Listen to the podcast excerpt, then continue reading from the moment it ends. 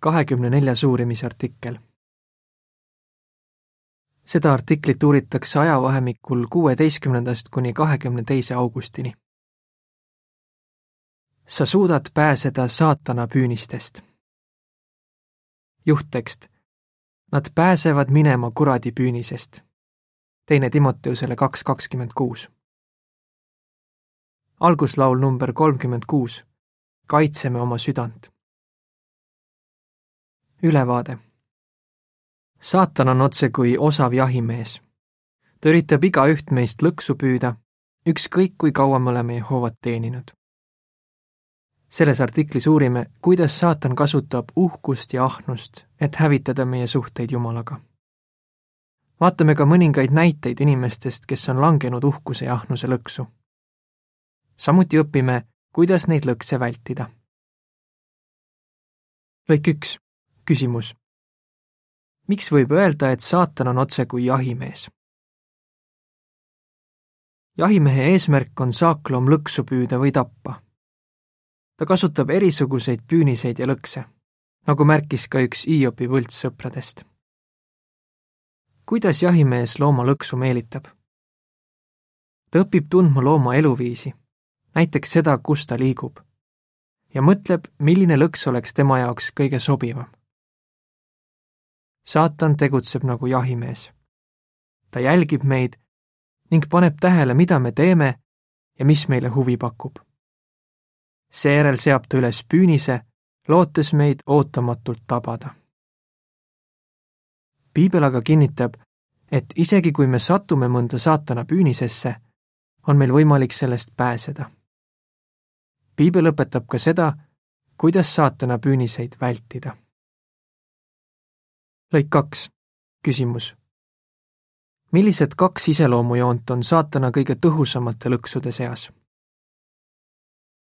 saatana kõige tõhusamate püüniste seas on uhkus ja ahnus. ta on kasutanud neid edukalt juba tuhandeid aastaid. saatan on otse kui linnupüüdja, kes meelitab saagi püünisesse või võrku. meil on aga võimalik tema käest pääseda sest Jehova on meile teada andnud, millist taktikat saatan kasutab. allmärkuses öeldakse. selles artiklis räägime kohatust uhkusest ehk sellest, kui keegi peab end teistest paremaks ja ahnusest ehk tugevast soovist saada rohkem vara, võimu, seksuaalnaudinguid või midagi muud. allmärkuse lõpp.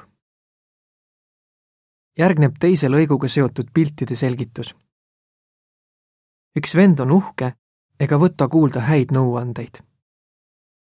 õde, kellel on palju asju, ihaldab neid juurde. piltide allkirjas öeldakse, saatana ühed tõhusamad püünised on uhkus ja ahnus. lõik kolm, küsimus. miks on Jehova lasknud piiblisse kirja panna hoiatavaid näiteid? Üks viis, kuidas Jehova meid uhkuse ja ahnuse eest hoiatab, on see, et ta õpetab meid tõsielu juhtumite kaudu.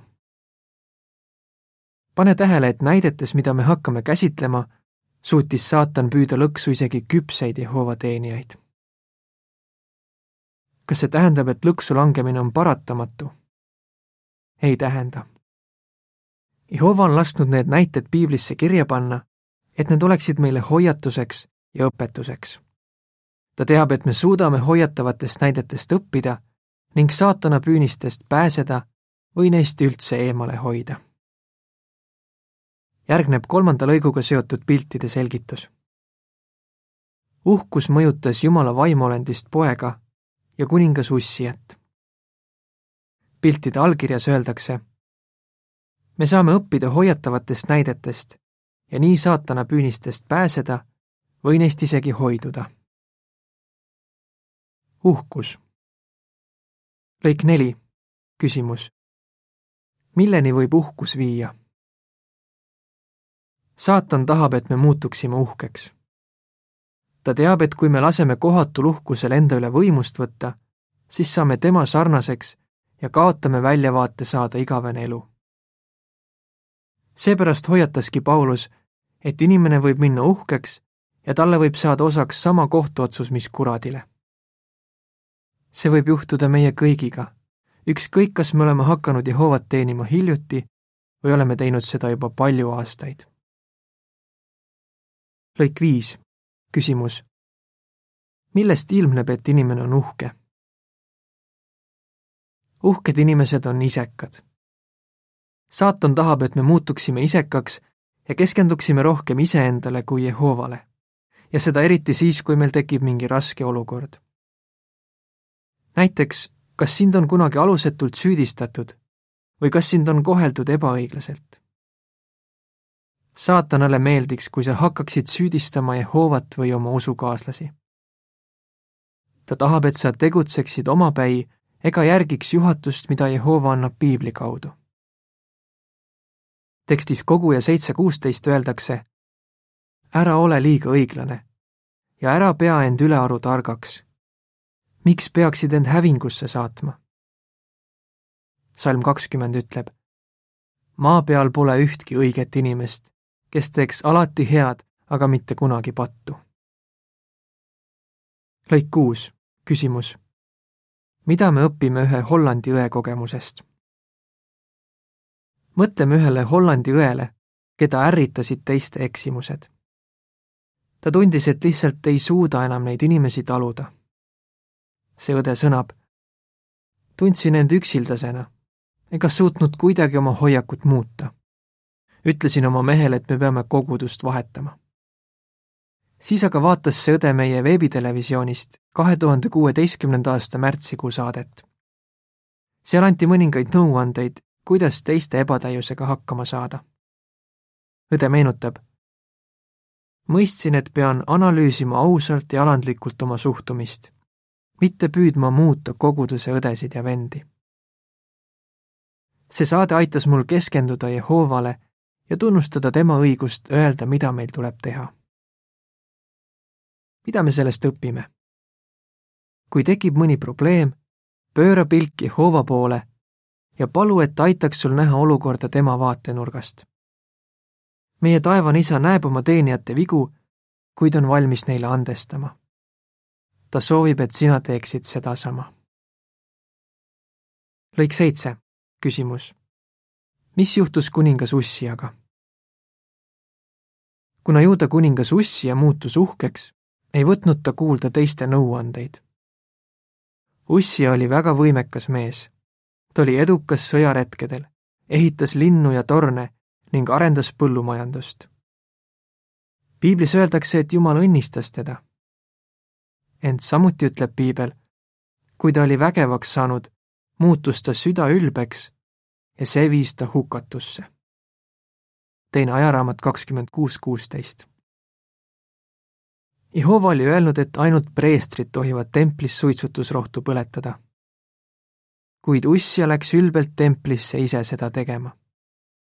Jehovale see ei meeldinud ja ta lõi seda uhket meest pidalitõvega. Ussia jäi pidalitõbiseks oma elu lõpuni. lõik kaheksa, küsimus. mis aitab meil hoiduda uhkusest? kas uhkus võib saada püüniseks ka meile? nagu see sai Ussiale. mõtleme Joseele, kes oli edukas ärimees ja lugupeetud koguduse vanem. ta esitas kokkutulekutel kõnesid ja ringkonna ülevaatajad küsisid temalt nõu. Jose tunnistab, samas ma lootsin omaenda võimetele ja kogemustele. ma ei toetunud Jehovale. arvasin, et olen tugev ega kuulanud seepärast Jehova hoiatusi ja nõuandeid. Jose tegi ränga patu ja ta eemaldati. juba aastate eest võeti ta kogudusse tagasi. nüüd ta ütleb. Jehova on mulle õpetanud, et tähtis pole mitte meie teenistusülesanne, vaid see, et me teeme, mida ta meilt ootab. pidagem meeles, et kõik anded, mis meil on ja kõik ülesanded, mis me koguduses saame, tulevad Jehovalt Jehova ei kasuta uhkeid inimesi. tekst esimene korintlastele neli, kuus ja seitse ütleb. vennad, ma olen rääkinud neid asju enda ja Apollose näite varal, et te õpiksite seda põhimõtet. ära mine üle selle, mis on kirjutatud. et keegi teist ei läheks uhkust täis ega peaks üht teisest paremaks. mis teeb sind teisest paremaks? tõesti, mis on sinul, mida sa poleks saanud Jumalalt? aga kui sa oled selle temalt saanud, miks sa siis hoopled, otse kui oleksid sa selle ise saavutanud? ahnus. lõik üheksa. küsimus. Mida ajendas ahnus saatanat ja Eevat tegema? kui mõtleme ahnusele, siis ilmselt tuleb meile meelde saatan. Jehova inglina võis tal olla igasuguseid toredaid ülesandeid. ent ta soovis midagi rohkemat. ta soovis, et teda kummardataks, ehkki kummardamist väärib vaid Jehova saatan tahab, et me oleksime tema sarnased ega rahulduks sellega, mis meil on. Esimesena võttis saatan sihikule Eeva. Jehova oli andnud Eevale ja tema mehele külluslikult toitu. Nad võisid noppida kõigist aiapuudest, välja arvatud ühest. siiski õnnestus saatanal panna Eevat mõtlema, et tal on vaja süüa just sellest keelatud puust. Eeva ei hinnanud seda, mis tal juba olemas oli ta soovis midagi rohkemat. me teame, mis oli tagajärg. Eva patustas ja lõpuks ta suri. lõik kümme, küsimus. kuidas sai Ahnus püüniseks Taavetile? Jehova oli andnud kuningas Taavetile rikkust, võimu ja palju võite oma vaenlaste üle. Taavet ütles tänumeelselt, et kui hakata Jumala kingitusi üles lugema, ei tuleks neil lõppu ühel hetkel ta siiski unustas, mida kõike Jehova talle oli andnud. ta muutus rahulolematuks ja tahtis rohkemat. ehkki Taavetil oli mitu naist, tekkis tema südames iha ühe teise mehe naise järele. see naine oli Patseba, het uurija abikaasa. Taavet oli Patsebaga seksuaalsuhtes ning too jäi rasedaks. lisaks sellele, et Taavet rikkus abielu, lasi ta tappa uurija. Mis küll võis Taaveti peas toimuda? kas ta arvas, et Jehova ei näe seda kõike? see ustav Jehova teenija andis järele oma ahnele soovile ja maksis selle eest kallist hinda. Õnneks mõne aja pärast Taavet siiski tunnistas oma viga ja kahetses tehtut. kui tänulik ta võis olla, kui Jehova talle andestas lõik üksteist, küsimus. Mis aitab meil ahnusega võidelda? mida me Taavetiga juhtunust õpime?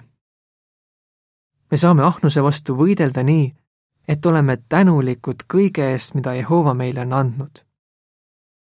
Efeslastele viis kolm ja neli öeldakse. hoorust, mingisugust kõlvatust ega ahnust ärgu isegi mainitagu teie seas, nagu on pühadele kohane ka häbiväärne käitumine, rumalad jutud ja ropud naljad ei sobi, vaid selle asemel tänage Jumalat. meil tuleb olla rahul sellega, mis meil on. piibliõpilast oleks hea innustada mõtlema millelegi konkreetsele ja selle eest Jumalat tänama. kui ta teeb seda iga päev, siis on ta nädala jooksul tänanud Jumalat seitsme asja eest. kas sina teed midagi samalaadset? Kui mõtiskled kõige üle, mida Jehova on sinu heaks teinud, siis aitab see sul tänulik olla. kui oled tänulik, oled rahul sellega, mis sul on. ja kui oled rahul, siis ei tõsta ahnus sinus pead. lõik kaksteist, küsimus. mida tegi ahnuse tõttu Juudas Iskaariot? ahnuse tõttu sai Juudas Iskaariotist reetur ta polnud algusest peale selline. Jeesus valis ta enda apostliks.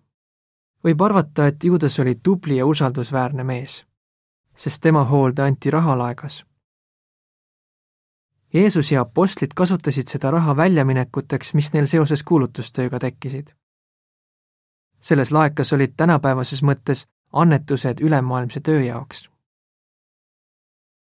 mingil ajal hakkas aga Juudas seda raha varastama ehkki ta oli korduvalt kuulnud, kuidas Jeesus oli ahnuse eest hoiatanud. Juudas ei pööranud neile hoiatustele tähelepanu. lõik kolmteist, küsimus. millal sai juuda ahnus ilmsiks? juuda ahnus sai ilmsiks ühe juhtumiga, mis toimus natuke aega enne Jeesuse hukkamist. Jeesus oli koos oma jüngritega, sealhulgas Maarja ja Martaga, külas endise pidalitõbise Siimoni juures. õhtusöögi ajal valas Maarja Jeesuse pea peale kallist õli. Juudas ja teised jüngrid said selle peale pahaseks. ilmselt arvasid nad, et seda raha oleks võinud kasutada pigem vaeste heaks. ent Juudal oli hoopis midagi muud mõttes. kuna ta oli varas, tahtis ta laekast raha endale võtta. Hiljem reetis Juudas Jeesuse orja hinna eest. lõik neliteist küsimus. kuidas järgis üks abielupaar põhimõtet, mis on kirjas tekstis Luuka kuusteist kolmteist?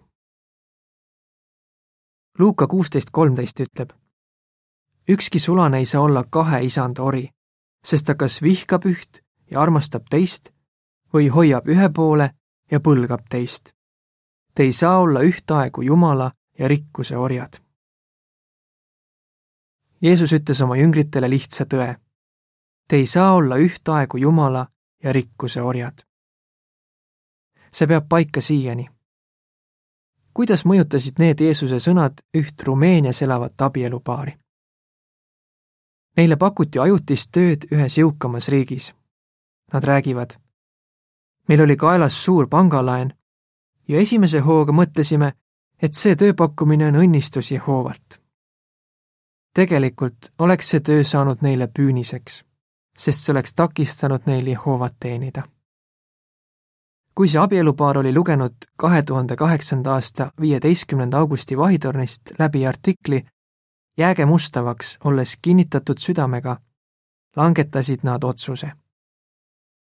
Nad ütlevad, kui meie eesmärk teises riigis töötamisel on teenida rohkem raha, siis see tähendab, et meie suhted Jehovaga on vähem tähtsad mõistsime, et kui me selle töö vastu võtaks, kannataks meie vaimsus. seepärast nad keeldusid sellest tööpakkumisest. mis sai edasi? mees leidis kodumaal töö, mille eest maksti piisavalt palka. naine ütleb, Jehova käsi pole kunagi lühike. See abielupaar on rõõmus, et nad otsustasid järgida Jehova põhimõtteid. selle alateemaga seotud piltide selgituses öeldakse ahnus pani Eeva keelatud puust sööma, Taaveti abielu rikkuma ja Juuda raha varastama. hoidu saatana püünistest.